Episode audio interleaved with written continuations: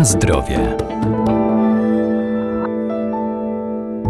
Moda na zdrowy tryb życia spowodowała, że wiele osób zmienia swoje nawyki żywieniowe, wprowadzając diety monoskładnikowe lub takie, które są formą leczenia. Na przykład przechodzi na dietę bezlaktozową czy bezglutenową, uważając, że będzie zdrowsza. Jednak specjaliści odżywienia i naukowcy przestrzegają.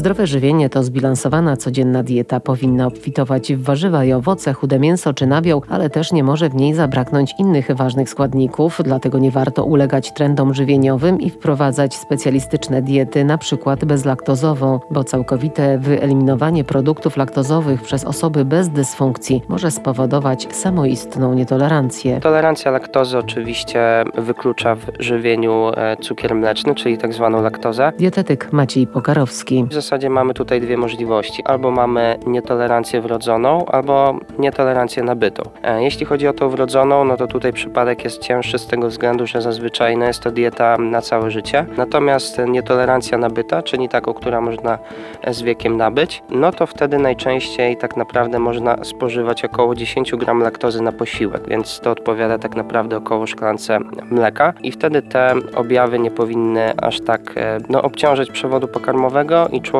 po takiej ilości laktozy nie będzie aż tak źle się czuł. Warto sobie sprawdzić, jakie produkty mleczne będą zawierały dużą ilość laktozy, a które będą zawierały mniej. E, no i oczywiście te, które zawierają dużo, no to jest mleko, jogurt, maślanka, e, ser tworogowy, śmietana czy na przykład serek wiejski. Natomiast te, które zawierają mniej laktozy, no to będą to sery żółte, tak naprawdę sery pleśniowe, mozzarella czy ser feta. Jeśli chodzi o nietolerancję laktozy, tutaj trzeba uważać e, na to, żeby nie nabawić się niedoborów, jeśli chodzi o wapń, wapń, witaminę D i e, białko, ponieważ no, produkty mleczne są źródłem właśnie tych składników. No i rozwiązanie będzie tak naprawdę to, żeby spożywać duże ilości strączków, otrębów, e, kasz, no i przede wszystkim ryb, które są bardzo bogate szczególnie w witaminę e, D, no i łatwo przyswajalne dla organizmu białko. W przypadku, kiedy całkowicie będziemy przez dłuższy okres czasu rezygnować z produktu, który zawiera laktozę, no i później w momencie, kiedy ta laktoza pojawi się nawet w takiej większej ilości, to organizm może po prostu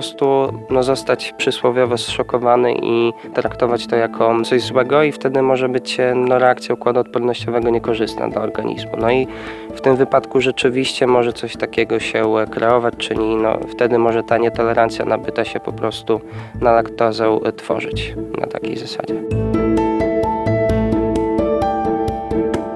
Na zdrowie. Podobny wpływ może mieć wprowadzenie bez uzasadnienia diety bezglutenowej. Wiele osób zastanawia się, czym naprawdę jest ten gluten, natomiast jest to białko i o tym trzeba pamiętać. No i tak naprawdę dieta, która nie zawiera glutenu, powinna być stosowana w dwóch zasadniczych przypadkach. Albo e, w przypadku, kiedy mamy do czynienia z celiakią, albo mamy nieceliakalną nietolerancję na gluten. Jeśli chodzi o pierwsze schorzenie, czyli celiakię, ona dotyczy około 1% populacji, natomiast nieceliakalna nietolerancja na gluten e, no jest to problem rzędu około 6%. Więc jak widzimy też nie jest tak, że 99% populacji nie cierpi na nietolerancję glutenu, więc nie ma podstaw ku temu, żeby ten gluten eliminować.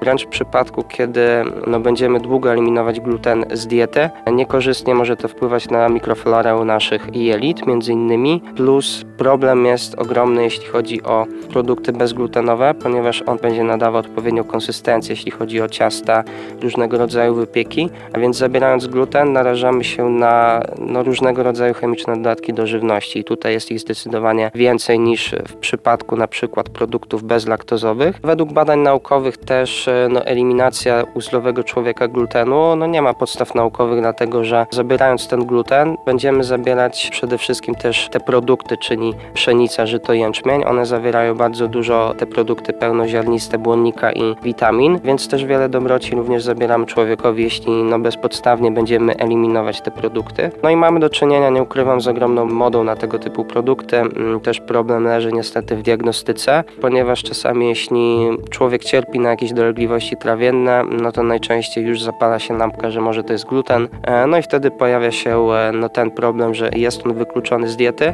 E, natomiast to też utrudnia diagnostykę, ponieważ e, w momencie, kiedy eliminujemy ten gluten, to wtedy ciężej jest e, później jakby sprawdzić, czy rzeczywiście gluten jest problemem dla naszego organizmu.